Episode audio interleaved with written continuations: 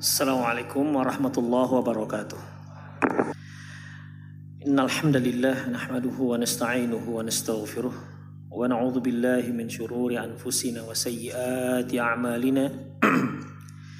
May yahdihillah fahuwal muhtadi wa may yudlil falan tajida lahu waliya mursyida. Asyhadu an la ilaha illallah wahdahu la syarika lah وأشهد أن محمدا عبده ورسوله الذي لا نبي بعده وقال الله سبحانه وتعالى يا أيها الذين آمنوا اتقوا الله حق تقاته ولا تموتن إلا وأنتم مسلمون يا أيها الذين آمنوا اتقوا الله وقولوا قولا سديدا يصلح لكم أعمالكم ويغفر لكم ذنوبكم ومن يطع الله ورسوله فقد فاز فوزا عظيما.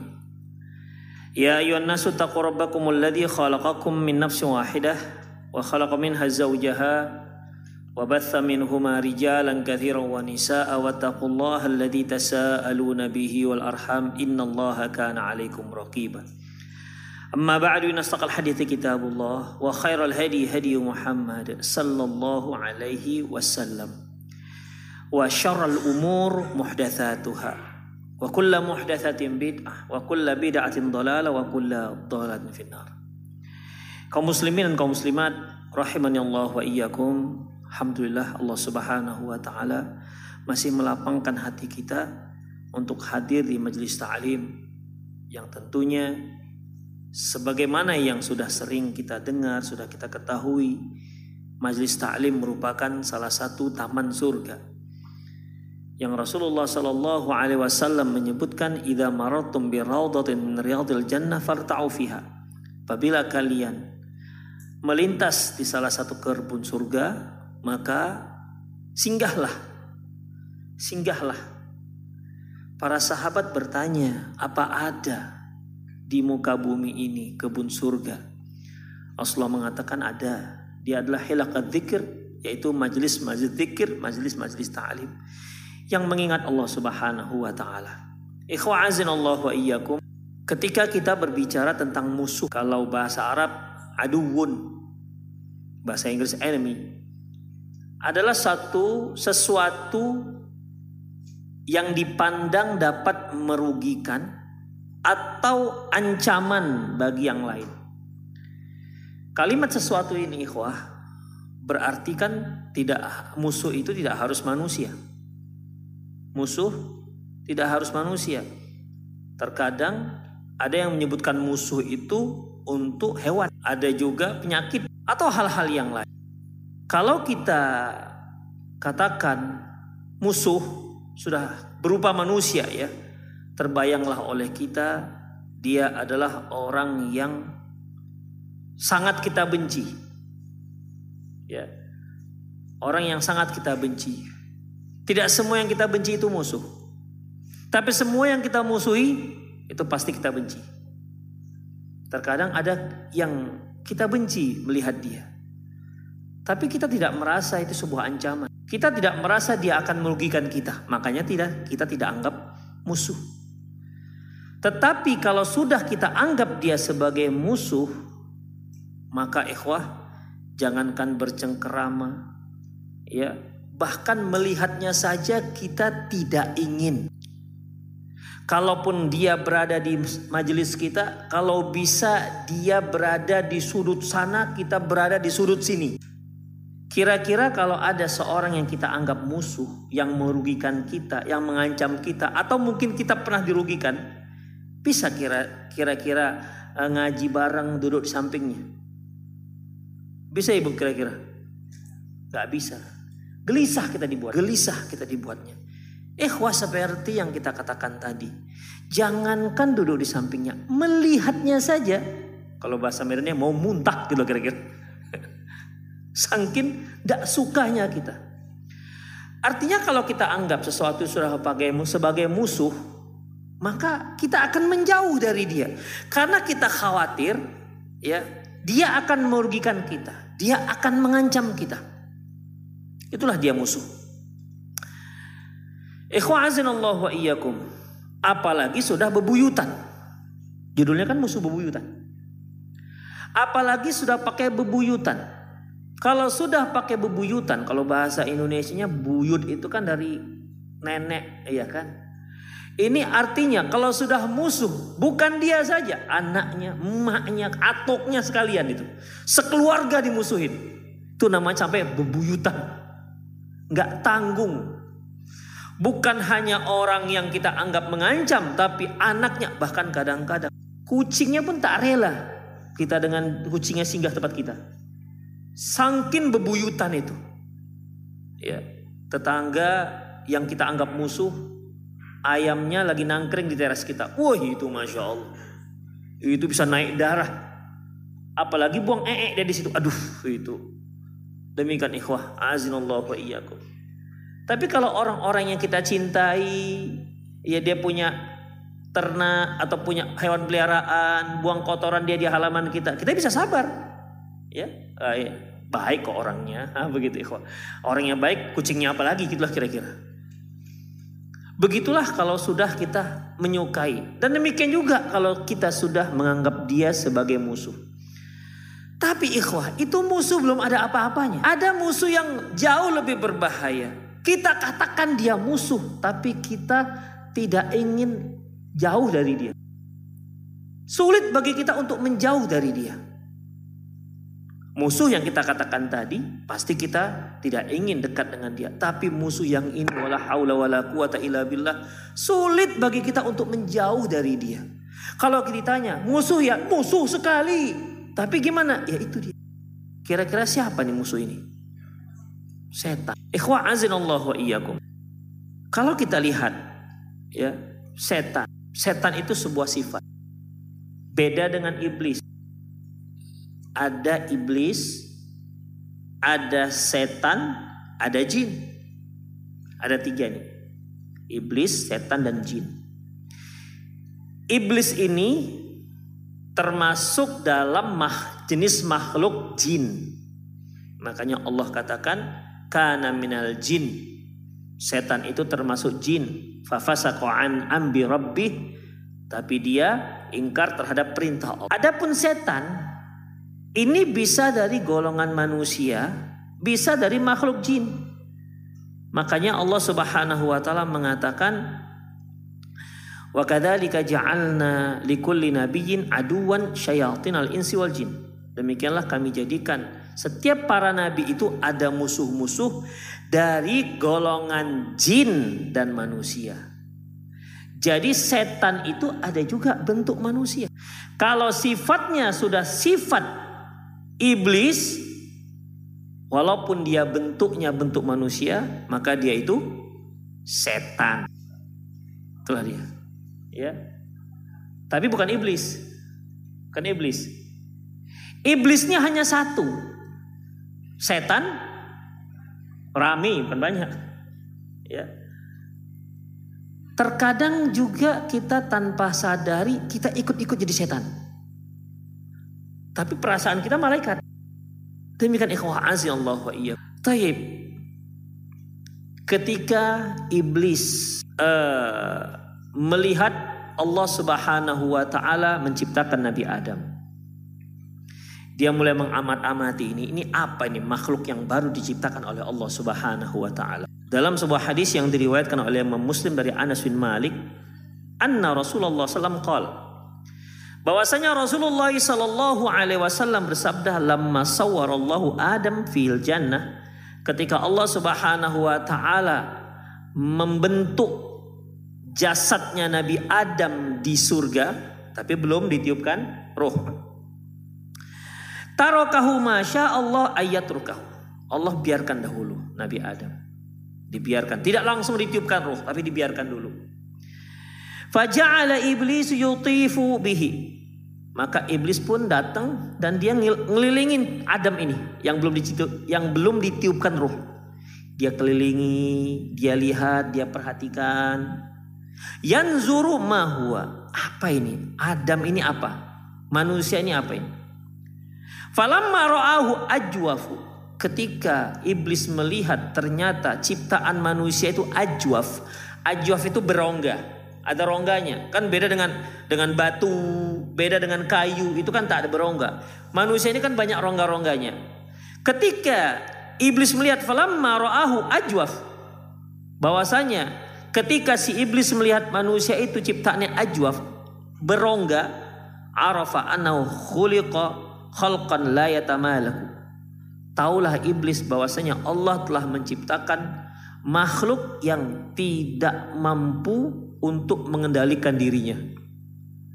Jadi iblis itu cerdas ya. Ya. Kalau nggak cerdas nggak iblis itu. Cerdas jadi jangan dikira kalau orang cerdas itu pasti bagus dapat hidayah. Enggak. Ya. Enggak ada hubungan antara cerdas dengan hidayah. Banyak orang-orang cerdas tapi macam setan. Ya. Contohnya si iblis ini. Allah wa iyyakum. Baik. Setelah Allah Subhanahu wa taala tiupkan ruh. Ya. Setelah Allah Subhanahu wa taala tiupkan ruh. Di sinilah awal sebuah permusuhan yang luar biasa. Belum ada permusuhan sehebat ini.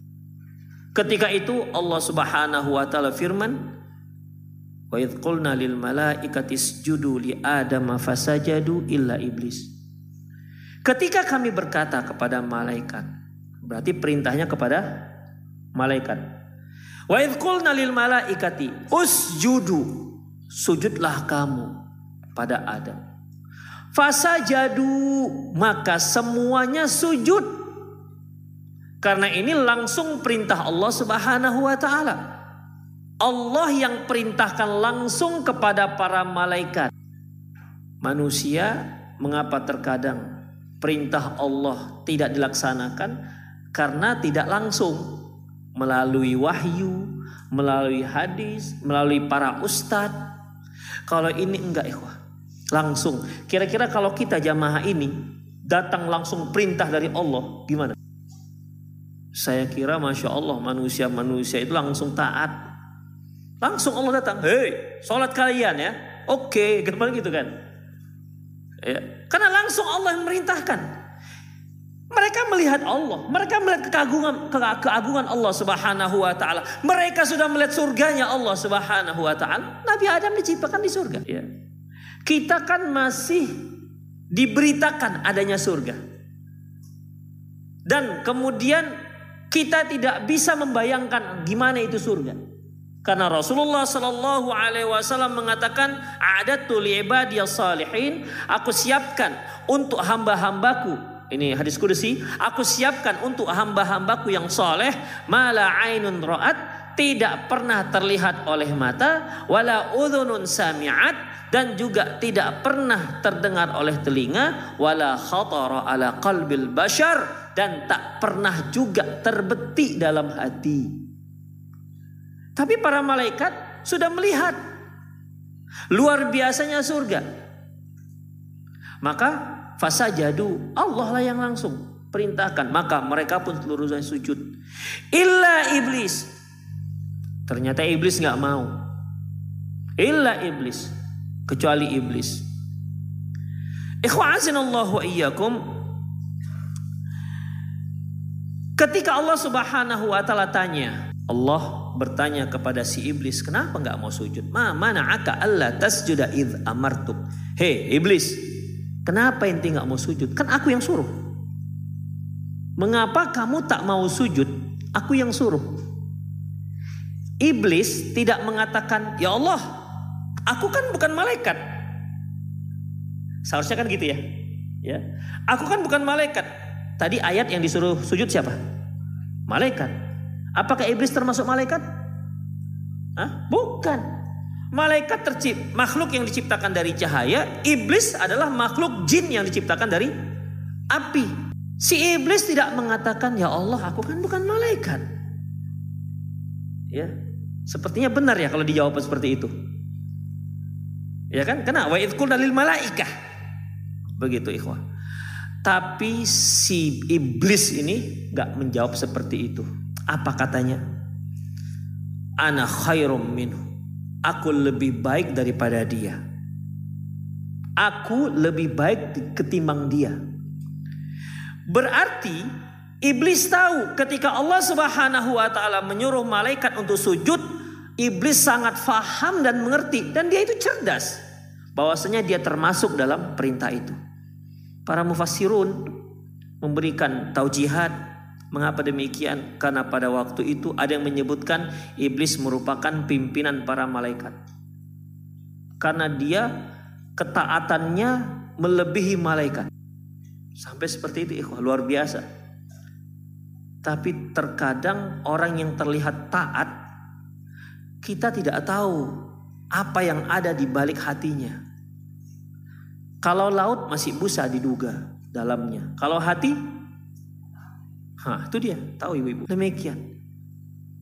Kan bisa lain di bibir, lain di hati. Kan bisa saja buah semangka berdaun sirih. Iya kan ikhwah? Dalam hati kita tidak tahu gimana kita duga-duga dalam hati orang. Bukankah Rasulullah SAW pernah marah dengan Zaid bin Usama?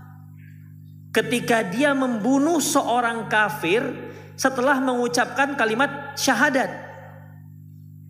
Marah Rasulullah. Apa kata Rasulullah? Kenapa kamu bunuh dia? Ya Rasulullah, dia tuh takut, bukan dikarenakan beriman. Apa kata Rasulullah? Apa yang akan kamu apa yang akan kamu katakan nanti di hari kiamat dengan kalimat la ilaha illallah? Asyakakta qalbah? Tahu ente isi hatinya. Jangan-jangan betul. Demikian ikhwan. Ya. Jadi di situ terungkap lagi mana sih sebenarnya si iblis. Sekali lagi, iblis tidak mengatakan, "Ya Allah, aku nggak termasuk perintah karena itu yang diperintahkan uh, malaikat." Iblis tahu sekali bahwasanya dia termasuk dalam perintah tersebut. Ya.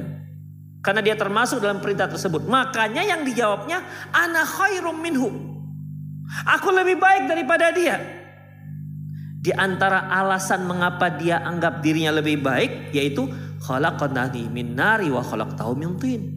Karena engkau ciptakan dia dari api dan engkau ciptakan dia si engkau ciptakan aku dari api dan engkau ciptakan dia dari tanah.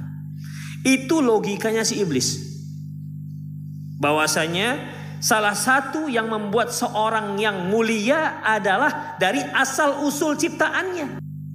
Demikian ikhwah. Alasannya apa lagi?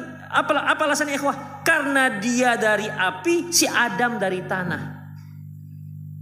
Islam kan sebenarnya nggak seperti itu menilai orang. Allah katakan inna akramakum indallahi atqakum. Sesungguhnya orang yang paling mulia di antara kalian yang paling takwa. Ya, Bukan yang tinggal di mana, bukan suku bangsa apa, bukan uh, tinggal benua mana. Enggak, ikhwah. Kalau ada yang menganggap, kadang-kadang pemikiran seperti ini ada, ikhwah. Orang Batak ini nggak ada yang bagus. Begitu ya. Nggak ada yang bagus. Itu salah satu cabang pemikiran eh? iblis. Karena dia mengklaim satu kaum penuh. Apa nggak ada orang Batak itu yang baik-baik? Eh saya nggak orang Batak ya, jangan dikira saya sedang membela orang Batak. Saya itu orang Minang, cuman lahir di Medan. Oh, demikian ikhwah Allah wa iyyakum. Jadi kan ada lagi, ah orang Betawi gak ada yang bagus. Ada kan pemikiran-pemikiran seperti ini. Ini ikhwah, asal usulnya, furuknya itu dari pikiran si iblis sebenarnya. Karena model pemikiran iblis itu begitu. Ya, dia melihat dari asal usulnya. Ikhwah contohnya. Kita tahu Abu Jahal ya. Abu Jahal. Abu Jahal pamannya Rasulullah yang tadinya ketika Rasulullah lahir. Dia orang yang paling bahagia. Paling bahagia, paling sayang dengan Rasulullah SAW ketika beliau baru lahir. Tapi kita lihat ketika Rasulullah mengatakan kalimat La ilaha illallah. Dan dia mengajak untuk kalimat tauhid. Si Abu Jahil inilah yang paling yang paling musuh dengan Rasulullah Sallallahu Alaihi Wasallam. Anaknya gimana? Ikrimah bin Abi Jahal. Ikhwah, masya Allah, dia mati syahid dalam peperangan. Anaknya, ya walaupun terkadang gara-gara kita orang tua, tingkah kita orang tua, anak jadi masalah. Anak siapa ini? Si Fulan, memang memang bapaknya maling. Demikian dianggap maklum. Begitulah ikhwah azinallahu wa iyyakum. Taib. Jadi kata si iblis, Aku lebih baik daripada dia ya Allah. Engkau ciptakan aku dari api, engkau ciptakan dia dari tanah. Ini yang membuat Allah marah. Karena dia mengedepankan logika dia. Siapa bilang bahwasanya yang diciptakan dari api itu lebih baik dibandingkan yang diciptakan dari tanah. Demikian juga sebaliknya. Kan itu asal usul. Kita semua kan dasar usulnya kita dari dari sperma. Min mani yumna. Dari mani yang dipancarkan.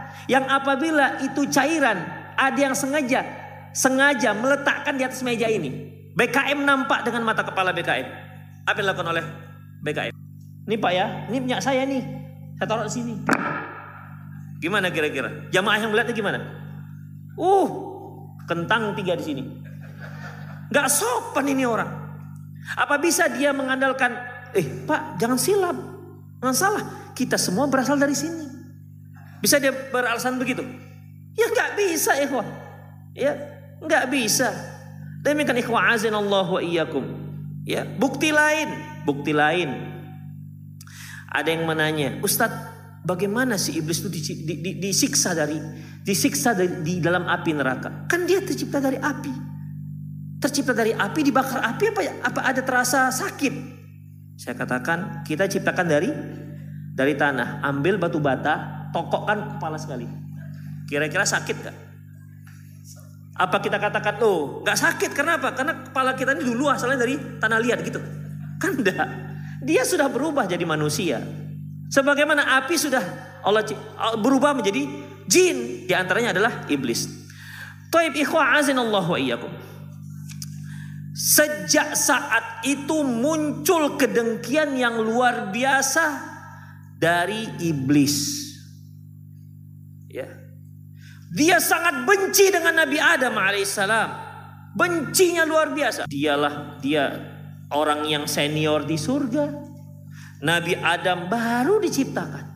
Baru kemarin diciptakan. Tiba-tiba dia disuruh sujud pada Nabi Adam. Kadang-kadang kan senioritas ada yang agak-agak ego gitu kan. Ah, udah lama di masjid ini. Eh, dia pula mengatur saya. Saya lebih banyak makan asam, garam, dan rendang. Dia baru makan apa? Gudeg, begitu kira-kira. Merasa lebih, belum tentu lebih. Ada hal-hal yang kita nggak tahu. Karena yang mulia itu bukan karena usia. Bukan karena usia. Ya, yaitu ke ketakwaan. Demikian ikhwah. Rahimanallah wa. Bahkan kalau ada orang yang sudah tua namun tetap maksiat, lebih besar dosanya ketimbang anak muda yang buat maksiat seperti zina. Rasulullah SAW mengatakan salah selayu kalimuhumullah yaumal qiyamati wala yanzuru ilaihi malahum adzabun alim. Ada tiga orang. Allah nanti di hari kiamat Allah tidak akan ajak bicara, Allah tidak akan hiraukan dia, Allah tidak akan sucikan dia untuk dia disiapkan azab yang pedih. Di antaranya apa? Syekhuz zani, orang tua masih berzina. Ya kalau anak muda dia masih punya tenaga, syahwatnya tinggi, menggebu-gebu. Orang tua sudah tuwir, sudah aki-aki, Jalan saja gemetar, lutut sudah mau lumpuh, masih berzina. Apa yang diandalkan? Artinya kan memang tobiatnya buruk. Banyak para penjahat-penjahat ketika dia sudah tua. Akhirnya taubat. Ya kan? Rajin ke masjid. Yang tadinya berantemnya di pasar, ah, sekarang berubah berantemnya di masjid. Demikian ikhwah azinallahu wa iyyakum. Baik. Maka muncullah kebencian. Di sinilah awal kebencian iblis. Yang lebih parah lagi ikhwah, bencinya tidak hanya kepada Nabi Adam, tapi sampai ke kita sekarang, sampai ke anak cucu kita nanti. Kebencian yang luar biasa, makanya bebuyutan. Tidak ada makhluk yang lebih musuh bebuyutan melebihi si iblis ini. Kalau kita pernah terjadi musuh bebuyutan, mungkin kakeknya, mungkin uh, apa namanya ayah kakeknya, setelah itu kan mungkin sudah lupa. Tapi si iblis ini tidak ikhwah. Musuhnya dari mulai Nabi Adam anaknya terus sampai ke kita. Padahal kita salah apa dengan si iblis? Coba Pak sebutkan salah kita dengan si iblis sampai dia marah dengan kita. Sebutkan. Ada salah kita dengan si iblis. Urusan dia kan dengan Nabi Adam bukan dengan dengan kita. Terus Nabi Adam apa salah? Di mana salahnya Nabi Adam? Apakah Nabi Adam request ketika Allah ciptakan, ya Allah suruhlah orang-orang itu sujud ke saya? Kan tidak ada request. Itu semata-mata perintah dari Allah Subhanahu wa taala untuk memuliakan Nabi Adam. Nabi Adam sedikit pun tidak ada ikut campur dalam masalah munculnya perintah ini. Demikian ikhwah, tapi begitulah kalau orang hasad, dengki, benci, kebencian dikarenakan dengki, gak perlu ada alasan. Gak perlu ada alasan. Benci sekali dengan tetangga sebelah. Kenapa? Baru beli sepeda motor baru. Kenapa? Benci saja saya, entah kenapa. Ih, tetangga sebelah baru beli sepeda motor. Ah, paling kreditnya itu. Gak kontan. Mana ada bentuk-bentuk kontan ini. Beli mobil dia mulai meriang. Nikah lagi kawan. Mau meninggal kawan. Gara-gara kebencian yang gak perlu ada alasan. Jadi ada orang itu hasad, benci, gak pakai alasan. Di antaranya siapa ini? Si iblis. Makanya hati-hati. Pokoknya kalau sudah sifat-sifat iblis, itu semua yang yang dosis tinggi semua. Kemudian si iblis karena dia sudah Allah subhanahu akhirnya Allah Subhanahu wa taala usir dia dari surga. Qala fakhruj. Ukhruj. Iblis, ente keluar dari dari surga. Fa innaka rajim. Kamu itu terkutuk. Dan ya Allah sudah tetapkan dia masuk neraka. Tapi anehnya iblis bukan malah taubat. Kalau kita manusia digitu kan, kita kan taubat. Ya Allah, mohon maaf. Kan ketika Nabi Adam alaihissalam dapat perintah, ya kalian makanlah yang di surga ini hai tuma. Terserah mau yang mana saja kalian makan, tapi ingat, wala hadis. Jangan kalian dekat-dekat pohon ini. Fatakuna minadh. Kamu kalian berdua akan menjadi orang yang zalim. Tapi kan dilanggar. Ya. Setelah Allah Subhanahu wa taala keluarkan mereka dari surga, Bagaimana sikap Nabi Adam? Taubat. Taubat. Dan Allah terima taubat mereka. Sehingga Allah turunkan ucapan taubat yang mana? Rabbana zolamna anfusana wa illam taghfir lana wa tarhamna lanakunanna minal khasirin. Itu kalimat taubat yang Allah ajarkan kepada Nabi Adam dan Allah sudah menerima taubatnya Nabi Adam. Si iblis gimana? Taubat. Enggak ikhwah. Dia melanjutkan kebencian demi kebencian. Sampai sekarang. Dan sampai hari kiamat. Enggak ngerti kita gimana cara berpikir si iblis ini. Kalau ada yang nanya, Ustadz ini kan iblis belum meninggal. Mungkin enggak dia tobat? Mungkin enggak kira-kira dia tobat ikhwah? Iblis. Allah sudah tetapkan dia enggak akan mungkin taubat. Demikian ikhwah azin Allah wa. Setelah tahu Allah telah mengutuknya dia, mengutuk si iblis. Apa kata si iblis? Dia punya permintaan. Iblis hanya punya satu permintaan untuk satu tujuan. Gak banyak tujuannya dan gak banyak permintaannya. Allah sebutkan permintaan iblis dalam soal Araf ayat 14 dan 15. Apa kata Allah? Apa kata si iblis? Qala andirni ila yaumi yub'atsun. Ya Allah, Beri aku usia sampai hari kiamat. Qala innaka minal mundarin.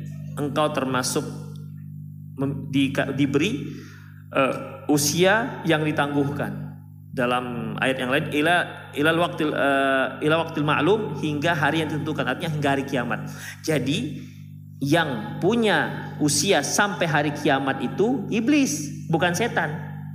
Ya, kalau setan itu ya kalau dia manusia ya usianya bisa dari uh, siti sabain. Kalau setannya dari umat Rasulullah dia berupa manusia antara 60 70. Kalau dia jin mungkin lebih panjang lagi. Tapi untuk si iblis yang satu ini, yang satu ini si iblis itu usianya sampai hari kiamat dan itu memang permintaannya dan permintaannya dikabulkan oleh Allah Subhanahu wa taala. Untuk apa dia minta?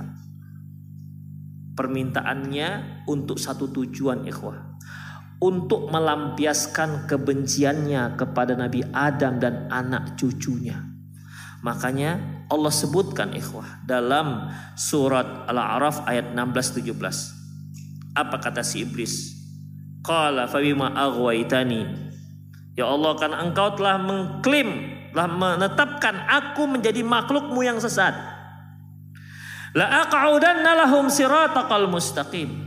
Aku akan duduk di tengah-tengah jalanmu yang lurus. Ikhwah, siratal mustaqim itu lurus. Setiap orang yang berada di jalan Siratul Mustaqim dan dia terus berjalan, ujungnya dia akan meraih surga. Ya. Dan si iblis duduk di tengah-tengah jalan ini. Setiap ada orang-orang yang sedang menempuh jalan yang lurus, si iblis akan menggodanya. Makanya dia katakan la aqudanna lahum siratal mustaqim. Aku akan duduk di tengah jalanmu yang lurus ini ya Allah. Kemudian bagaimana? Apa yang dilakukan? Ya. Summala atiyannahum min baini aidihim. Aku akan goda mereka dari depan wa min khalfihim dan dari belakang mereka wa an aimanihim an syama'ilihim aku akan goda mereka dari sebelah kanan dan dari sebelah kiri wala tajidu aktsaruhum syakirin engkau akan lihat gak banyak dari mereka yang bersyukur ikhwah ketika iblis berbicara seperti ini dia punya azam dia punya tekad ya untuk menggoda manusia dia dari depan nggak sanggup dari depan, dia akan dari belakang. Demikian. Ya. Demikian apa namanya? Semangat si iblis ini untuk merusak manusia. Kan beda dengan kita. Ketika kita digoda dari depan sekali, dua kali, tiga kali, kita bisa bisa jatuh. Si iblis enggak. Dia untuk melancarkan kesesatan-kesesatannya, dia akan berupaya luar biasa. Dan lihat ikhwah, Ketika si iblis bicara seperti ini, itu manusia ada berapa orang? Hanya satu kan? Siapa dia? Nabi Adam alaihissalam. Tapi kita lihat bagaimana akhir ayat. Wala tajidu aktarhum syakirin. Ya Allah, engkau akan lihat. Engkau akan dapati nggak banyak mereka yang bersyukur. Di sini iblis sudah pakai kalimat mereka. Yakin. Masya Allah ya. Masya Allah apa ini? Yakin sekali si iblis bahwasanya rencananya ini akan sukses. Wala tajidu aktaum syakirin. Engkau akan lihat ya Allah, gak banyak mereka yang bersyukur. Dia padahal belum lihat bagaimana anak cucu Adam. Tapi ingat ikhwah, ketika Nabi Adam baru diciptakan Allah, dia kan keliling itu. Ya, ada hubungan dengan ini. Dia keliling, dia amat-amati. Oh, ini gampang digoda ini. Makanya dia pun yakin, ya yakin seyakin-yakinnya ini mudah digoda dan dia minta pada Allah. Kalaupun dia sudah dilaknat ditetapkan masuk neraka minta usianya dipanjangkan.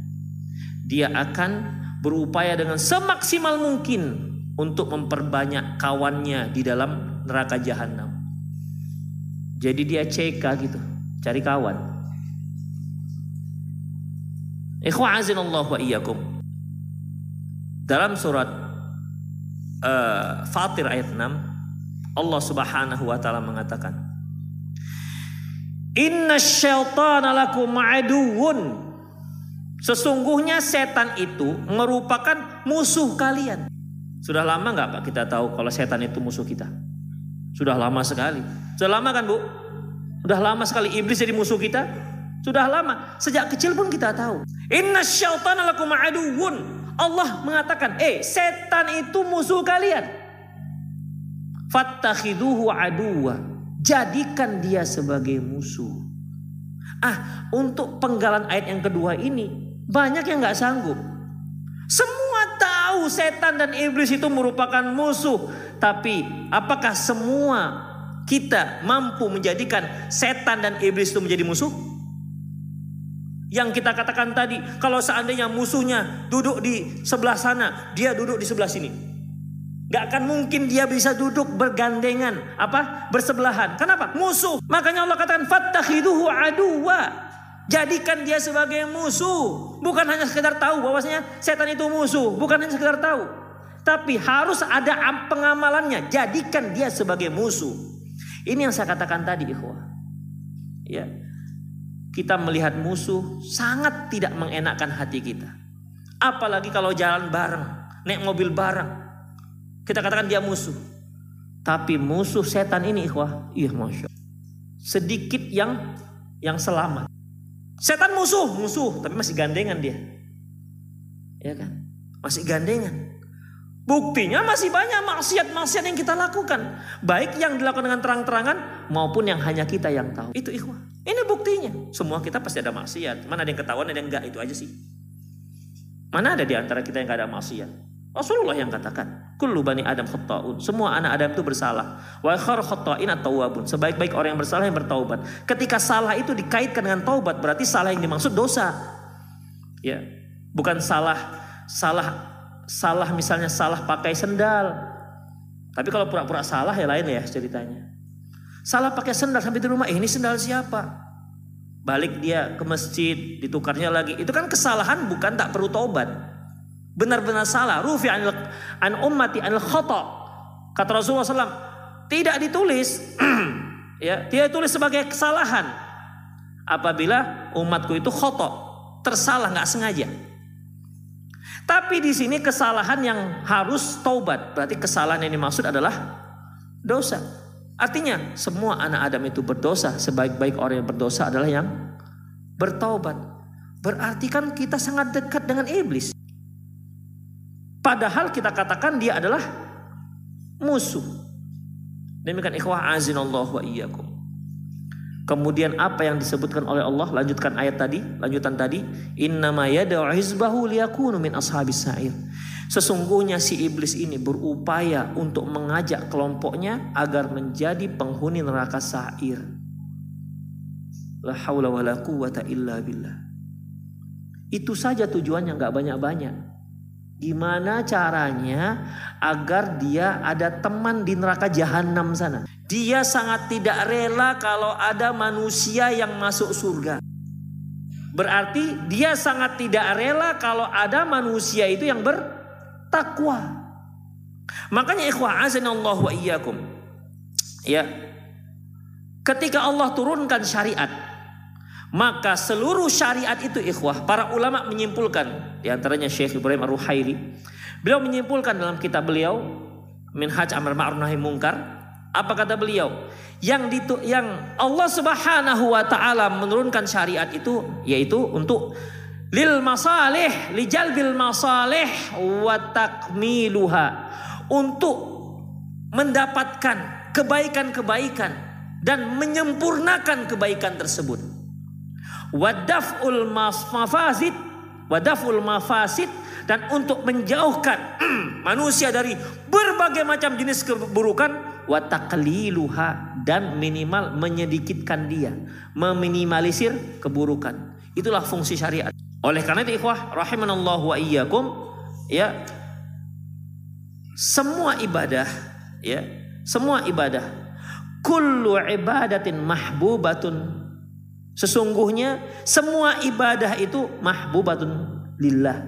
Semua ibadah itu ikhwah. Itu dicintai oleh Allah. Ibadah yang dimaksud kullu ismin. Kullu ismin ma yuhibbullahu ma yuhibbuhullah min aqwalin wa af'alin. Ya. Semua hal yang dicintai oleh Allah Subhanahu wa taala apakah itu berupa ucapan ataupun berupa perbuatan zahiran wal batinan yang nampak maupun tidak nampak? Itu namanya ibadah. Semua ibadah itu dicintai oleh Allah Subhanahu wa taala. Maghdudatun ya. Mag uh, mag dibenci oleh si iblis ya semua ibadah dicintai oleh Allah pasti akan dibenci oleh si iblis Berarti kebalikannya, semua maksiat dicintai oleh iblis, dibenci oleh Allah. Jadi selalu bercangga. Selalu bercangga. Kenapa demikian? Karena se semua hal yang dicintai oleh Allah Subhanahu wa taala akan mendekatkan makhluknya ke surga. Dan itu paling tidak disenangi oleh si iblis. Seluruh perkara maksiat yang dibenci oleh Allah itu akan mendekatkan makhluknya ke neraka dan itu sangat dicintai disukai oleh iblis. Jadi tobiat iblis itu suka dengan maksiat. Ya, suka dengan maksiat. Seperti lalat ikhwah. Antum buat apa ya misal kuitar yang mahal letakkan di satu kemudian kotoran kita ambil lalat, kita katakan, eh lalat, ini kue enak, higienis, enaknya luar biasa. Nah ini kotoran, ini bagus untuk umum lalat. Kira-kira lalat pilih yang mana? Yang kotoran kan? Memang begitu tobiat dia sudah. Jadi kalau ada manusia ya sudah dikasih tahu, nggak juga mau tahu, sudah jelas ini akan merusak dirinya, dia juga nggak peduli, ya itulah macam lahat itu. Demikian ikhwah Allah wa iyyakum. Baik. Maka terjadilah permusuhan yang luar biasa antara manusia dengan dengan iblis. Ikhwah seperti yang kita katakan tadi. Semua perkara yang paling yang di, yang di, dibenci oleh Allah itu paling dicintai oleh si iblis. Apa perkara yang paling dibenci oleh Allah? Syirik. Oleh karena itu ikhwah, ya iblis iblis membuat perencanaan di mana yang paling dia prioritaskan bagaimana caranya agar manusia ini kufur dan musyrik. Karena dia tahu sekali bahwasanya kalau sudah dia kafir, kalau sudah manusia itu musyrik, maka tidak ada kemungkinan dia masuk surga, bakal kekal selama-lamanya. Maka kesirikan itu sangat dicintai oleh si iblis. Oleh karena itu ikhwah, dalam apa namanya? Dalam dakwah para nabi, prioritas pertama ya tauhid. Karena percuma seorang itu kalau dia sholat, zakat dan seterusnya tapi berbuat syirik. Habis semuanya. Kebaikan-kebaikannya habis rontok. Makanya Allah katakan, "Wa qadimna ila ma 'amilu min 'amalin faja'alnahu haba'an mansura." Dan kami tayangkan, kami perlihatkan semua kebaikan-kebaikannya, faja'alnahu haba'an mansura. Tapi akhirnya kami jadikan haba mansura. Haba itu kalau ada cahaya matahari masuk ke ruangan, kita lihat ada benang halus begitu. Dia terbang. Tidak jatuh seolah-olah dia tidak terkena gravitasi gravita apa gravitasi bumi. Dia nggak turun. Beda kan kalau ada pasir kecil jatuh, ini enggak. Sangkin ringannya, sangkin tak bergunanya. Jadi amalan yang dia lakukan, sehebat apa pun uang yang dia infakkan, kalau dia seorang yang musyrik, kalau dia seorang yang kafir, itu tidak ada gunanya. Sama sekali. Makanya ikhwah, ini adalah prioritas utama si iblis untuk menyesatkan manusia. Dan Allah Subhanahu wa taala sudah ancam. Bahkan bukan manusia biasa, para nabi Allah ancam. Allah katakan kepada Rasulullah SAW, La in asyrokta Muhammad kalau kamu berbuat syirik, la amaluk. Kami akan hapus semua amalanmu. Rasulullah saja diancam oleh Allah. Apalagi kita. Apakah Rasulullah kira-kira berbuat syirik? Enggak. Tapi kena ancaman. Nabi Ibrahim alaihissalam. Apa doanya? Wajnubni wabaniya an na'budal asnam. Ya Allah, jauhkan diriku dan keluargaku, keturunanku dari menyembah berhala. Apa ada di antara bapak dan ibu berdoa seperti ini? Ya Allah, jauhkanlah aku dan anak-anakku dari menyembah berhala. Ada? Demikian ikhwah. Kalau sekelas Nabi Ibrahim mungkin dia mereka apa Nabi Ibrahim menyembah berhala. Tapi kekhawatiran itu luar biasa. Orang kalau semakin tinggi tingkat kekhawatirannya, maka tingkat kehati-hatiannya juga semakin tajam. Demikian ikhwah azin Allah wa iyyakum. Jadi yang pertama yang sangat disukai oleh si iblis adalah kesyirikan. Allah katakan Innallaha la yaghfiru ayyushraka bihi wa yaghfiru ma duna dzalika liman yasha. Allah tidak akan mengampuni dosa orang yang berbuat syirik sebaik apa pun dia di, di mata manusia, sehebat apa pun dia. Kalau dia sudah berbuat syirik, mati dan dia tidak sempat tidak sempat tobat, tak akan ada diampuni. Dia akan kekal selamanya dalam api neraka. Wa yaghfiru ma duna dzalika liman yasha tapi masih mengampuni dosa selain syirik bagi siapa yang dikehendaki. Seorang muslim membunuh, mungkin dia bunuh seribu orang. Itu dosa besar. Tapi bukan berarti dia pasti masuk neraka. Belum tentu. Kalau Allah ampuni, oh kalau gitu aman lah Ustadz. Yang penting kita nggak syirik, buat aja sesuka hati. Kan ada kemungkinan untuk diampuni ikhwah lima yasha bagi siapa yang Allah kehendaki yakin kita termasuk yang dikehendaki yakin kalau nggak yakin ya udah hati-hati itulah ikhwah azza Allah Baik. Si iblis tidak mampu Si iblis dan tentaranya tidak mampu untuk membuat si manusia ini menjadi kafir atau musyrik. Lantas ya sudahlah kita pulang aja ya. Orang Medan bilang, yo woi woi woi pulang kita woi. Udah nggak bisa lagi nih. Begitu selesai. Si iblis sudah selesaikan urusan dia. Oh enggak Jangan dikira selesai. Dendamnya nggak sampai situ. Kalau dia tidak sanggup membuat si manusia menjadi orang kafir, kalau dia tidak sanggup menjadikan manusia itu dia merasa muslim dan tidak juga musyrik karena ada orang-orang beriman dia itu musyrik. Wa ma yu'minu aktsarum billahi illa wa hum musyrikun. Berapa banyak orang itu beriman kepada Allah tapi masih musyrik. Taib, dia mungkin tak sanggup lah untuk me, me, apa namanya? menggoda orang ini supaya menjadi musyrik. Apakah selesai? Tidak, ikhwah dia akan turunkan level dia. Kalaupun dia tidak jadi musyrik, ya digodalah dia bagaimana agar mereka menjadi orang-orang yang melakukan dosa besar. Makanya Allah Subhanahu, makanya Rasulullah sallallahu alaihi wasallam bersabda dalam hadis Sunan Tirmizi, "Ala wa inna syaitan qad ayyasa ayyu'bada fi biladikum hadha abadan." Apa kata Rasulullah? Sesungguhnya setan itu sudah putus asa untuk disembah di, di daerah di, di negara kalian ini kata Rasulullah SAW. Walakin satakunu lahu ta'atun fima tahtakiruna min a'malikum fasayardo bihi. Tapi dia tahu kalian akan tetap mentaati si iblis dengan dosa-dosa yang mungkin kalian anggap sepele. Dan si iblis ridho dengan itu. Ya kalaupun nggak musyrik, yang penting dia masih berbuat dosa. Itu ikhwah. Dia nggak diam ikhwah. Ya. Dia tidak tidak diam.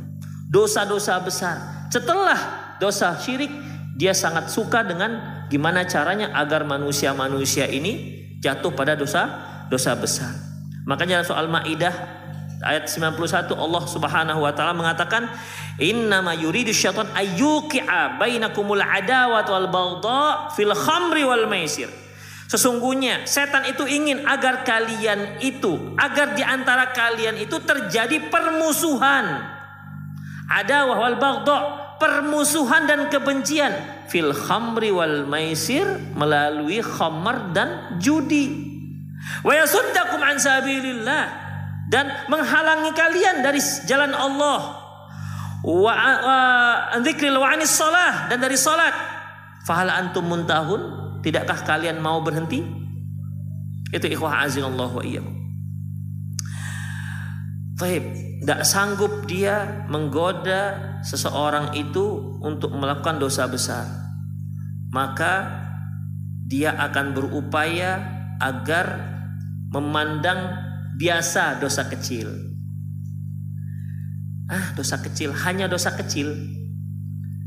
Ya, padahal para ulama kita mengatakan la saghir ma'a israr wal kabir ma istighfar. Tidak ada dosa kecil kalau itu dilakukan sering-sering dan tidak ada dosa besar kalau dia dibarengi dengan taubat nasuha istighfar. Tapi Allah wa itu dari sisi larangan. Kemudian kalau ternyata orang ini masya Allah taat rajin ibadah, dia digoda untuk berbuat syirik nggak bisa. Dia digoda untuk buat dosa besar nggak bisa. Ya. Jadi bagaimana? Dia berhadapan dengan orang yang semangat melakukan kebaikan-kebaikan. Dia akan manfaatkan semangat ini sehingga orang ini melakukan sesuatu syariat ataupun ibadah itu melewati yang seharusnya. Mungkin para hadirin pernah mendengar ketika tiga orang datang kepada Aisyah radhiyallahu anha bertanya tentang gimana ibadah Rasulullah SAW. Setelah dia mendengar bagaimana ibadah Rasulullah, lantas apa kata mereka? Yang satu mengatakan, Wallahi inni asumu wa la uftir. Demi Allah, aku akan terus berpuasa dan aku tidak akan pernah berbuka. Jadi hari ini puasa, besok puasa, besok lagi berpuasa, puasa dahar, puasa tahun, setahun. Yang satu mengatakan wallahi inilah aku, wallahi inilah aku wala anam. Yang satu lagi mengatakan demi Allah, sumpah ya dia bersumpah, demi Allah aku akan sholat satu malam suntuk. Jadi sejak habis isya, Dia sholat sampai subuh. Tidak ada kata kata tidur. Yang satu lagi mengatakan, Wallah inilah atazawajun nisa. Demi Allah, aku tidak akan menikah. Tujuan mereka tiga-tiga ini untuk apa? Untuk maksiat? Untuk ibadah? Untuk pendekatan diri kepada kepada Allah Subhanahu wa taala.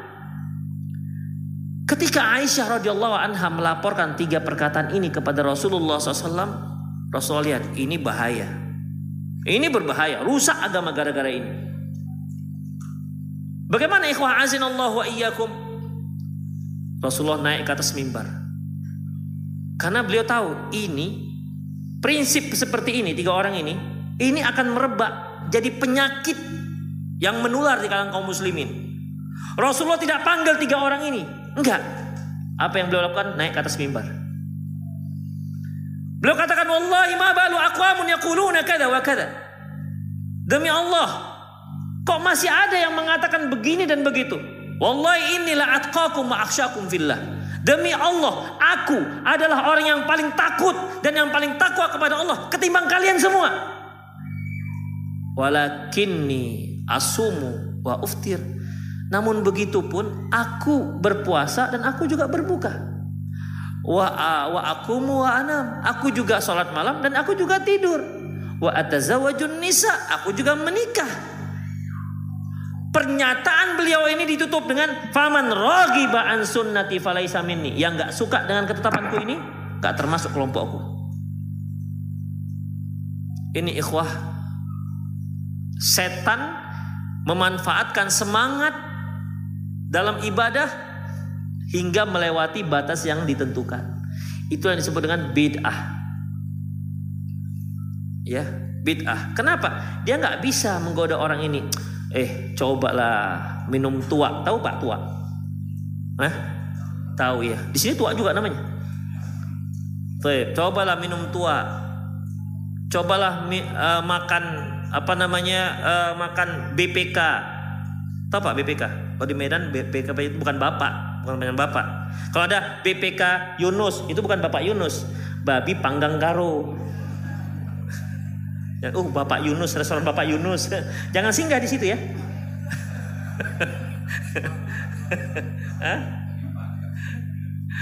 Demikian ikhwah. Coba kira-kira iblis kalau goda kita, yuklah makan babi. Bisa digodanya kita. Ya kok makan babi? Babi lewat di samping kita aja kita mau muntah.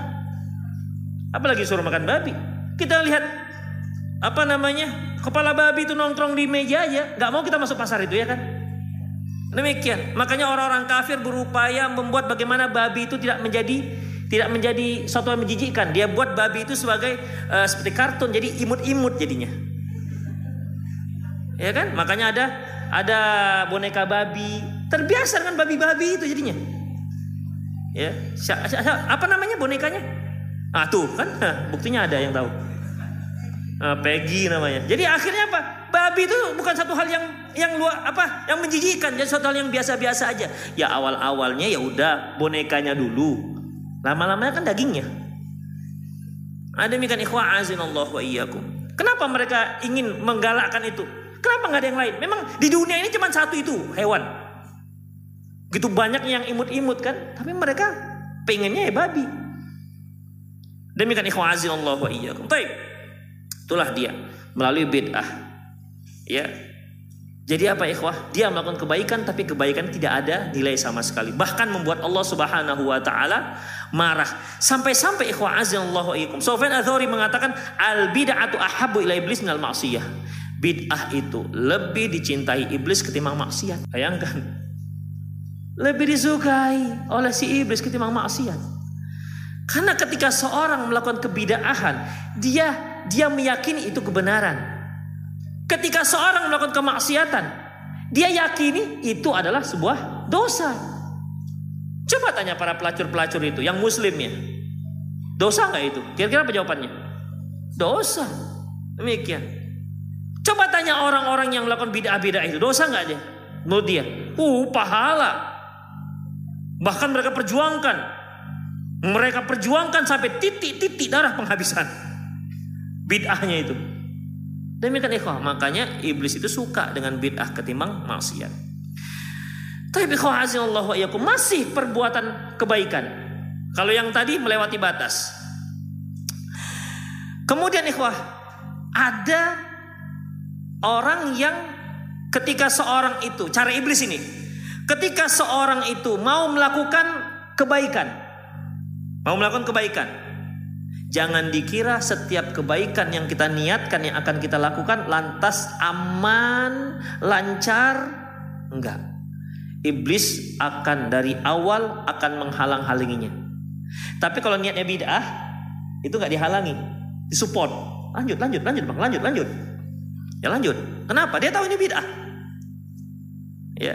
Ketika dia tahu orang ini berniat untuk melakukan satu hal yang jelas dapat pahala, maka si iblis akan berupaya untuk menghalanginya. Misalnya ibu-ibu mau taklim itu kan, dihalang-halangi iblis. Ya, kadang-kadang iblisnya suaminya sendiri. Demikian. Ketika istri mau pergi, dek sarapan, Kan udah bang, ah abang mau tiga piring. Dengan berbagai macam alasan. Ya. Demikian. Begitu mau mau taklim, ada sinetron. Kesukaan mak-mak. Demikian ikhwah, akhirnya terhalang. Terhalang ikhwah. Tapi ingat, iblis itu tak pernah, iblis dan setan ini nggak pernah menghalang-halangi dengan paksa.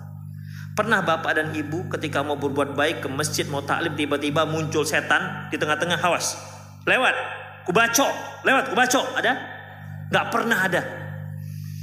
Makanya di hari akhirat ikhwah, ketika orang-orang menyesalkan si iblis, si setan ini yang telah menyesatkan mereka, si iblis berkata, Wa qala syaitanu lamma qudiyal amru innallaha wa'adakum ba'dal haqqi wa wa'adtukum fa akhlaftukum. Setan berkata, sesungguhnya Allah sudah memberikan kalian janji dan janji Allah itu benar dan aku juga memberikan janji dan aku ingkari janjiku.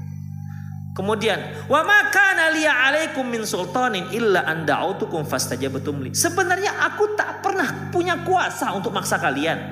Illa illa an da'utukum. Aku itu hanya menggoda, mengajak, membisikkan fastajabtum li. Kalian ikut.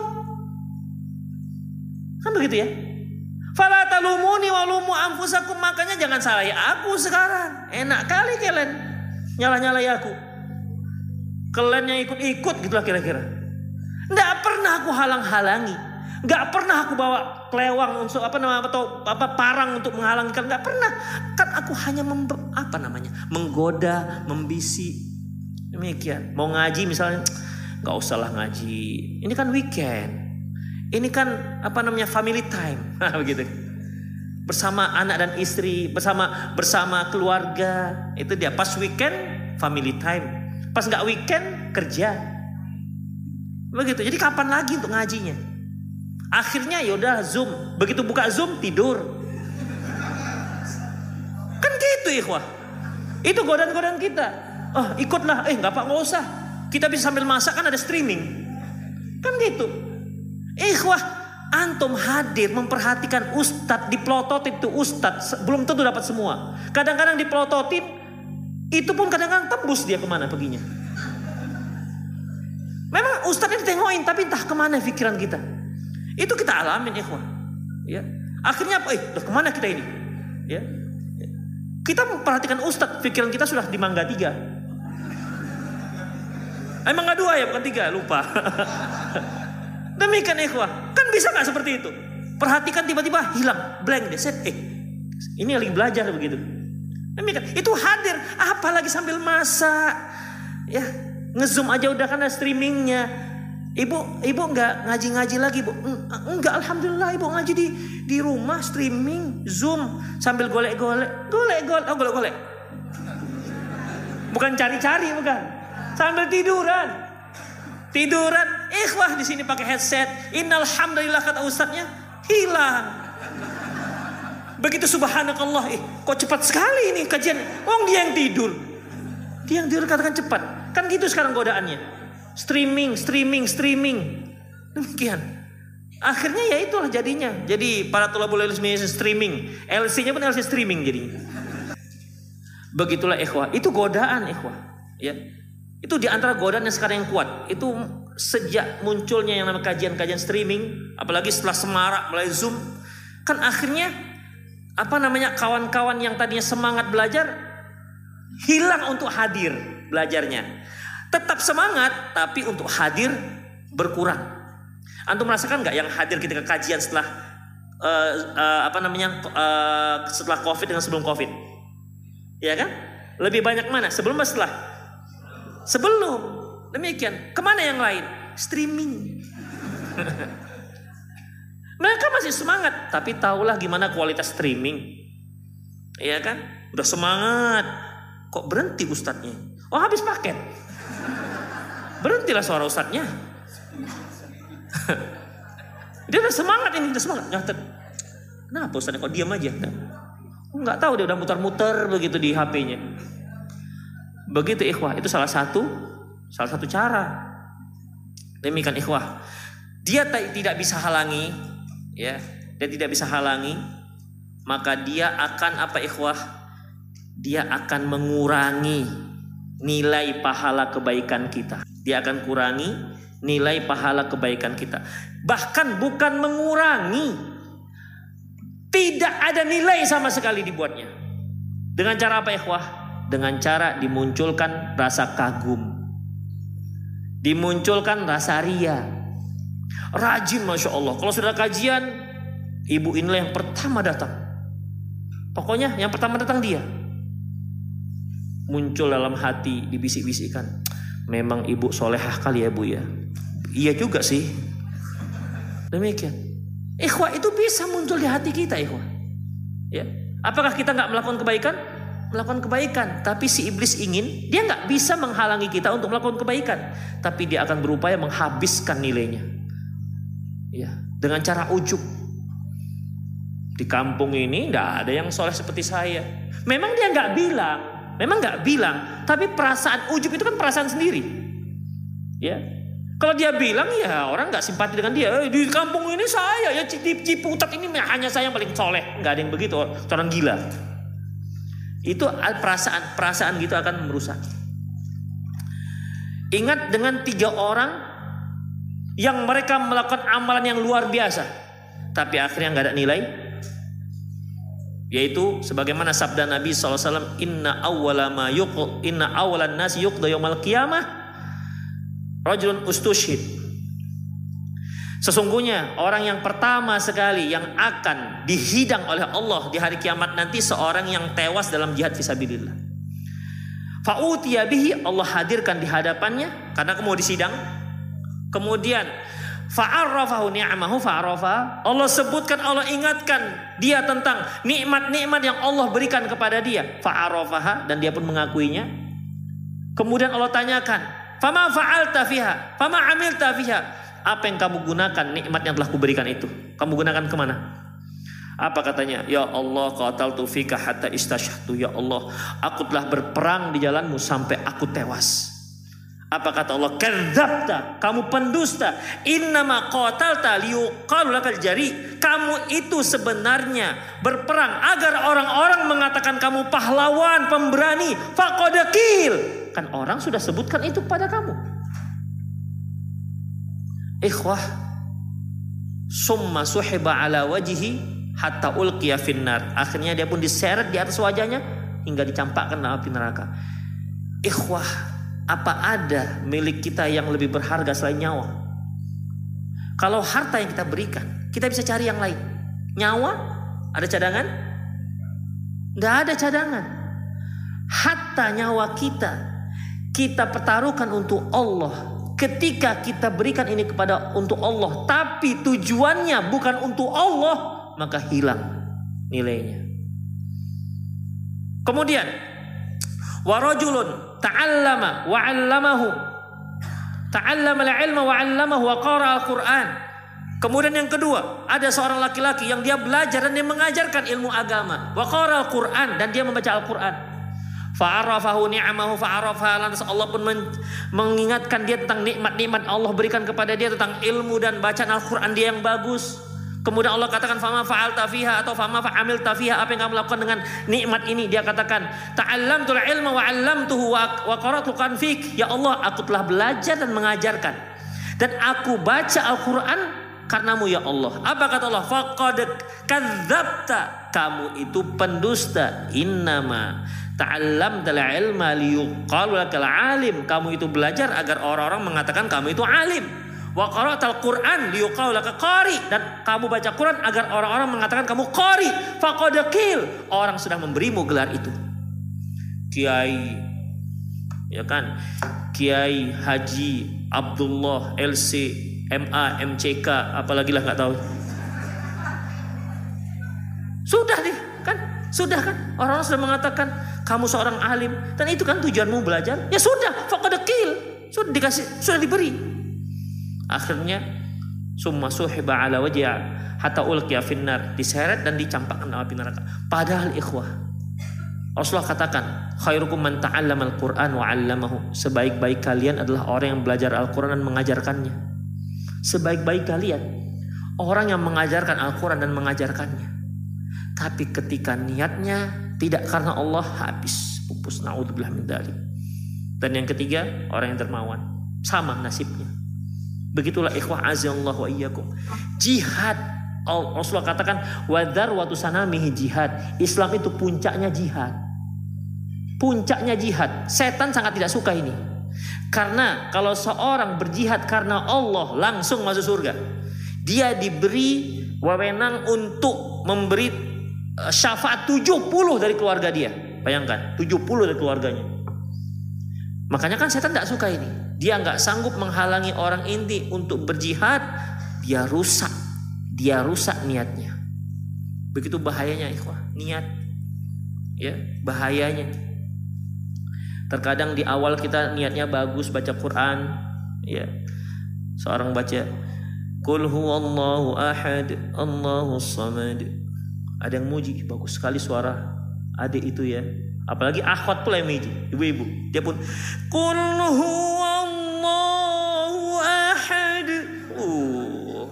bertambah tingkahnya. Bertingkah dia. Demikian ikhwah. Bukan karena Allah Subhanahu wa taala. Padahal awalnya bagus. Demikian.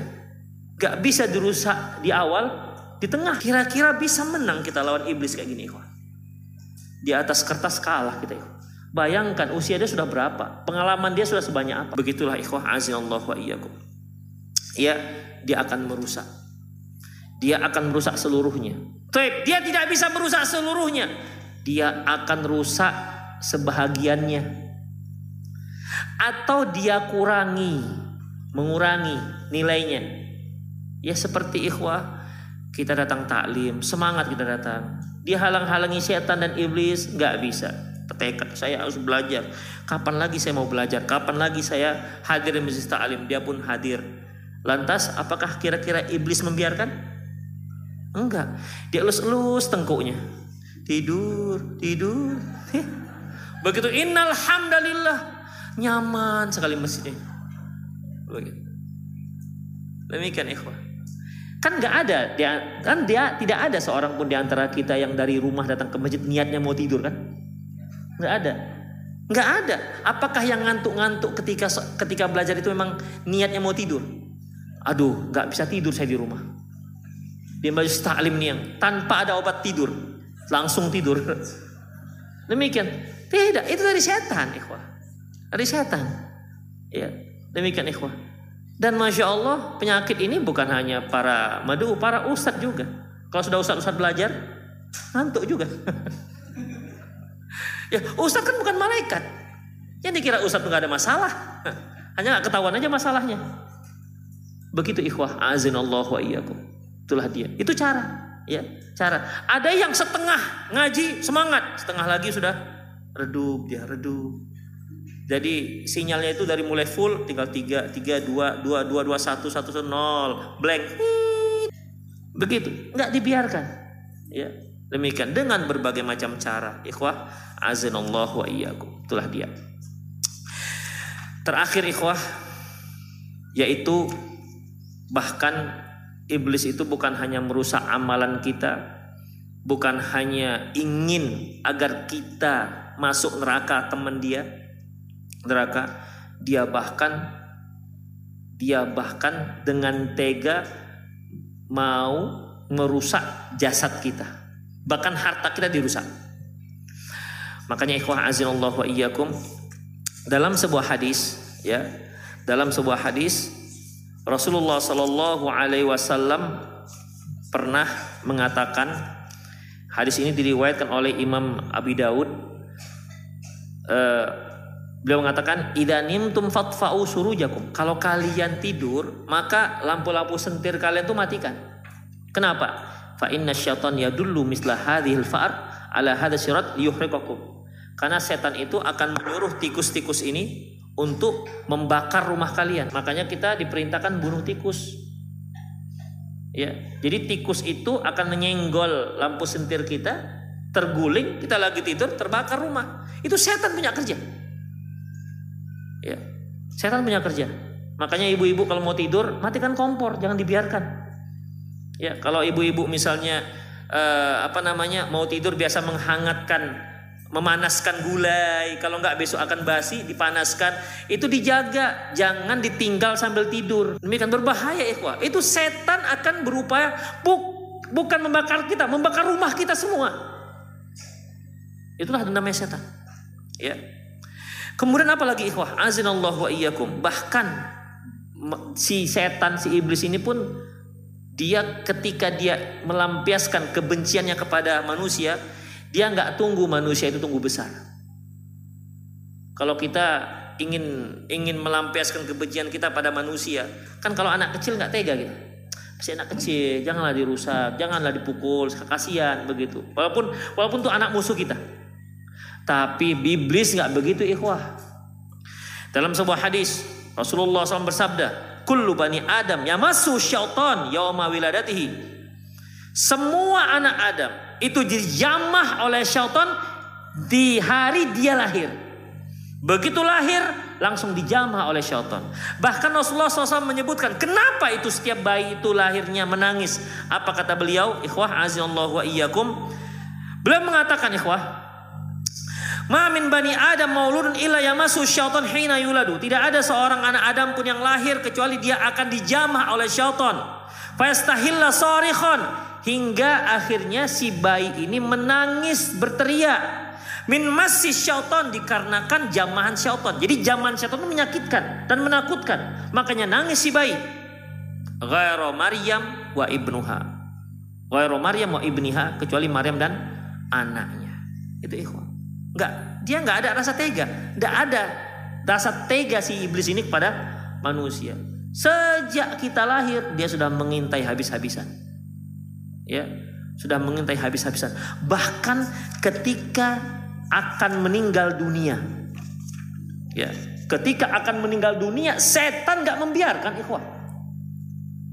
Ya kadang kan kalau kita melihat musuh kita sedang sekarat kasihan kan. Kita doakan ya Allah ampunilah dosa dia. Tapi tidak demikian dengan setan dan iblis. Ya sampai Rasulullah SAW pernah berdoa ikhwah.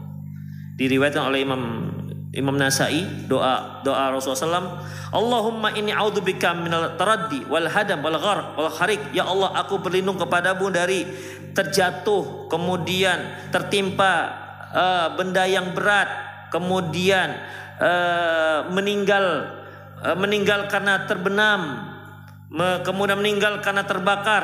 Wa a'udzubika ayatakhabbatin syaitan indal maut. Dan aku berlindung kepadamu dari godaan setan ketika akan meninggal ya. Ketika akan meninggal.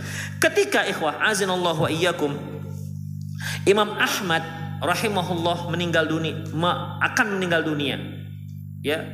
Sementara anaknya Abdullah bin Ahmad bin Hambal sedang pegang apa namanya uh, khirqah itu kain untuk ikat rahang.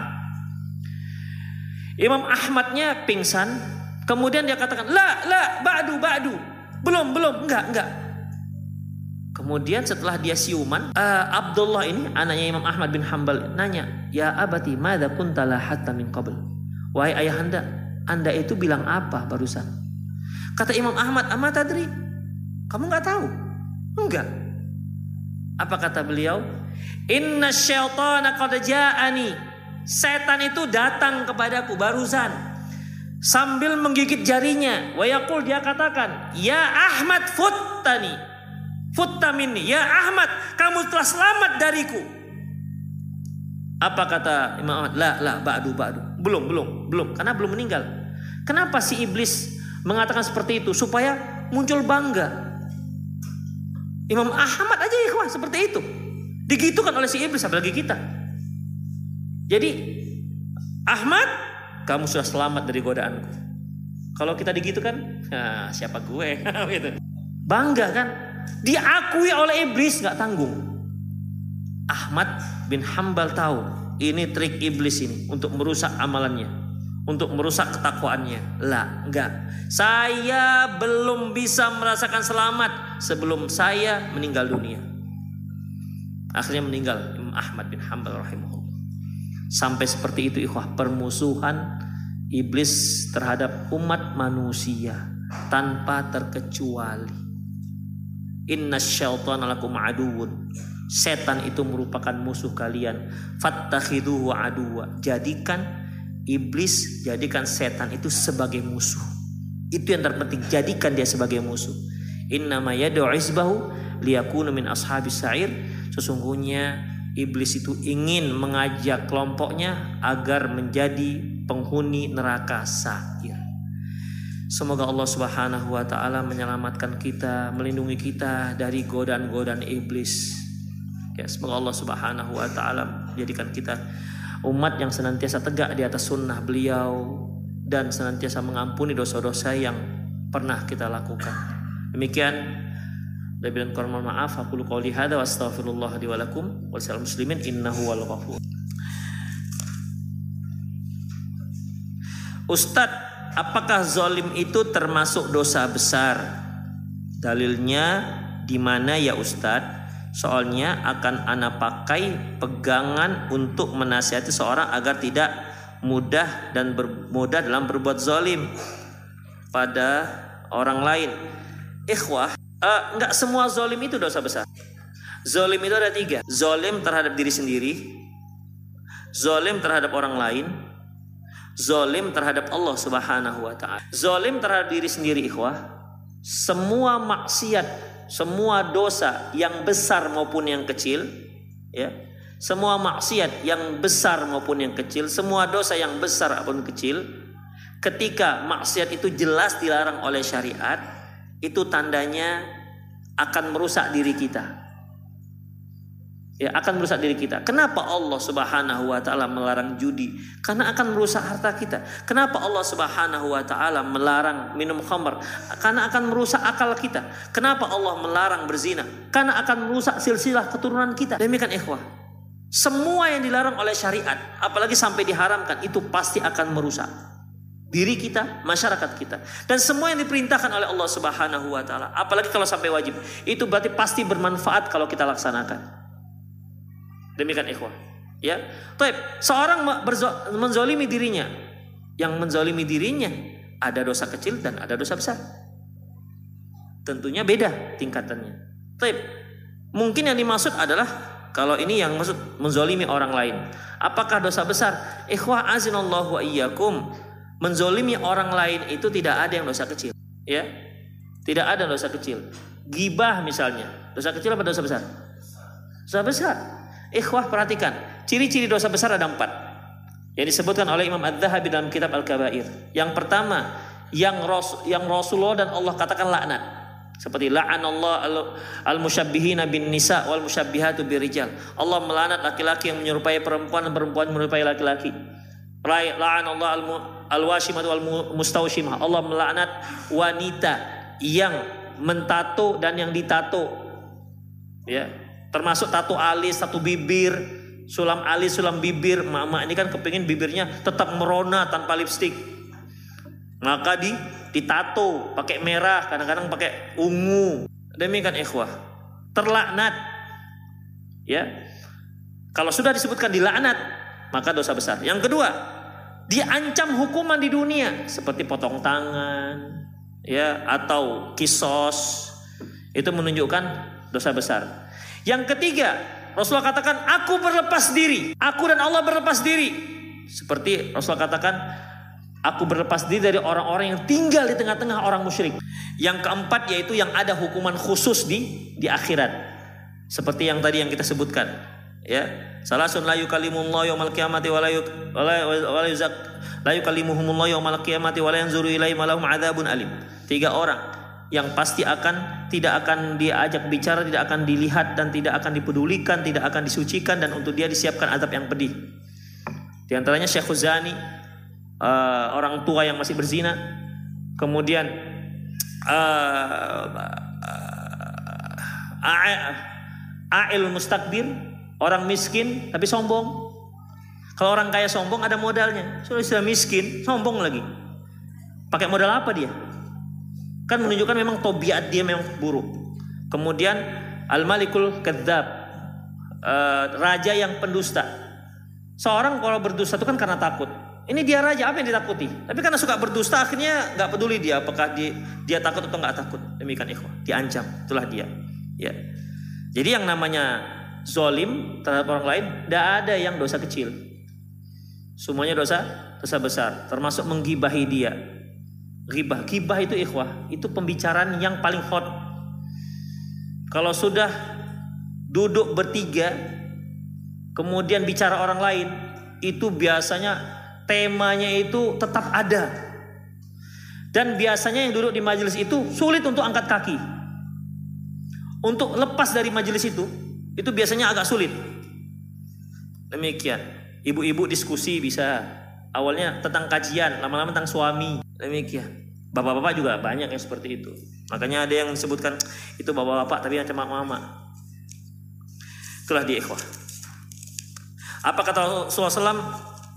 Uh, Az-zulmu zulumatul yaumil qiyamah. Kezoliman itu kegelapan di hari di hari kiamat. Karena kalau ada orang menzolimi orang lain, nanti di hari kiamat dia akan membalasnya, dia akan membayarnya dengan kebaikan. Seperti hadis yang cukup panjang yang Rasulullah katakan, uh, atadru atadruna mal muflisu fi ummati. Tahu nggak kalian orang yang bangkrut di kalangan umatku?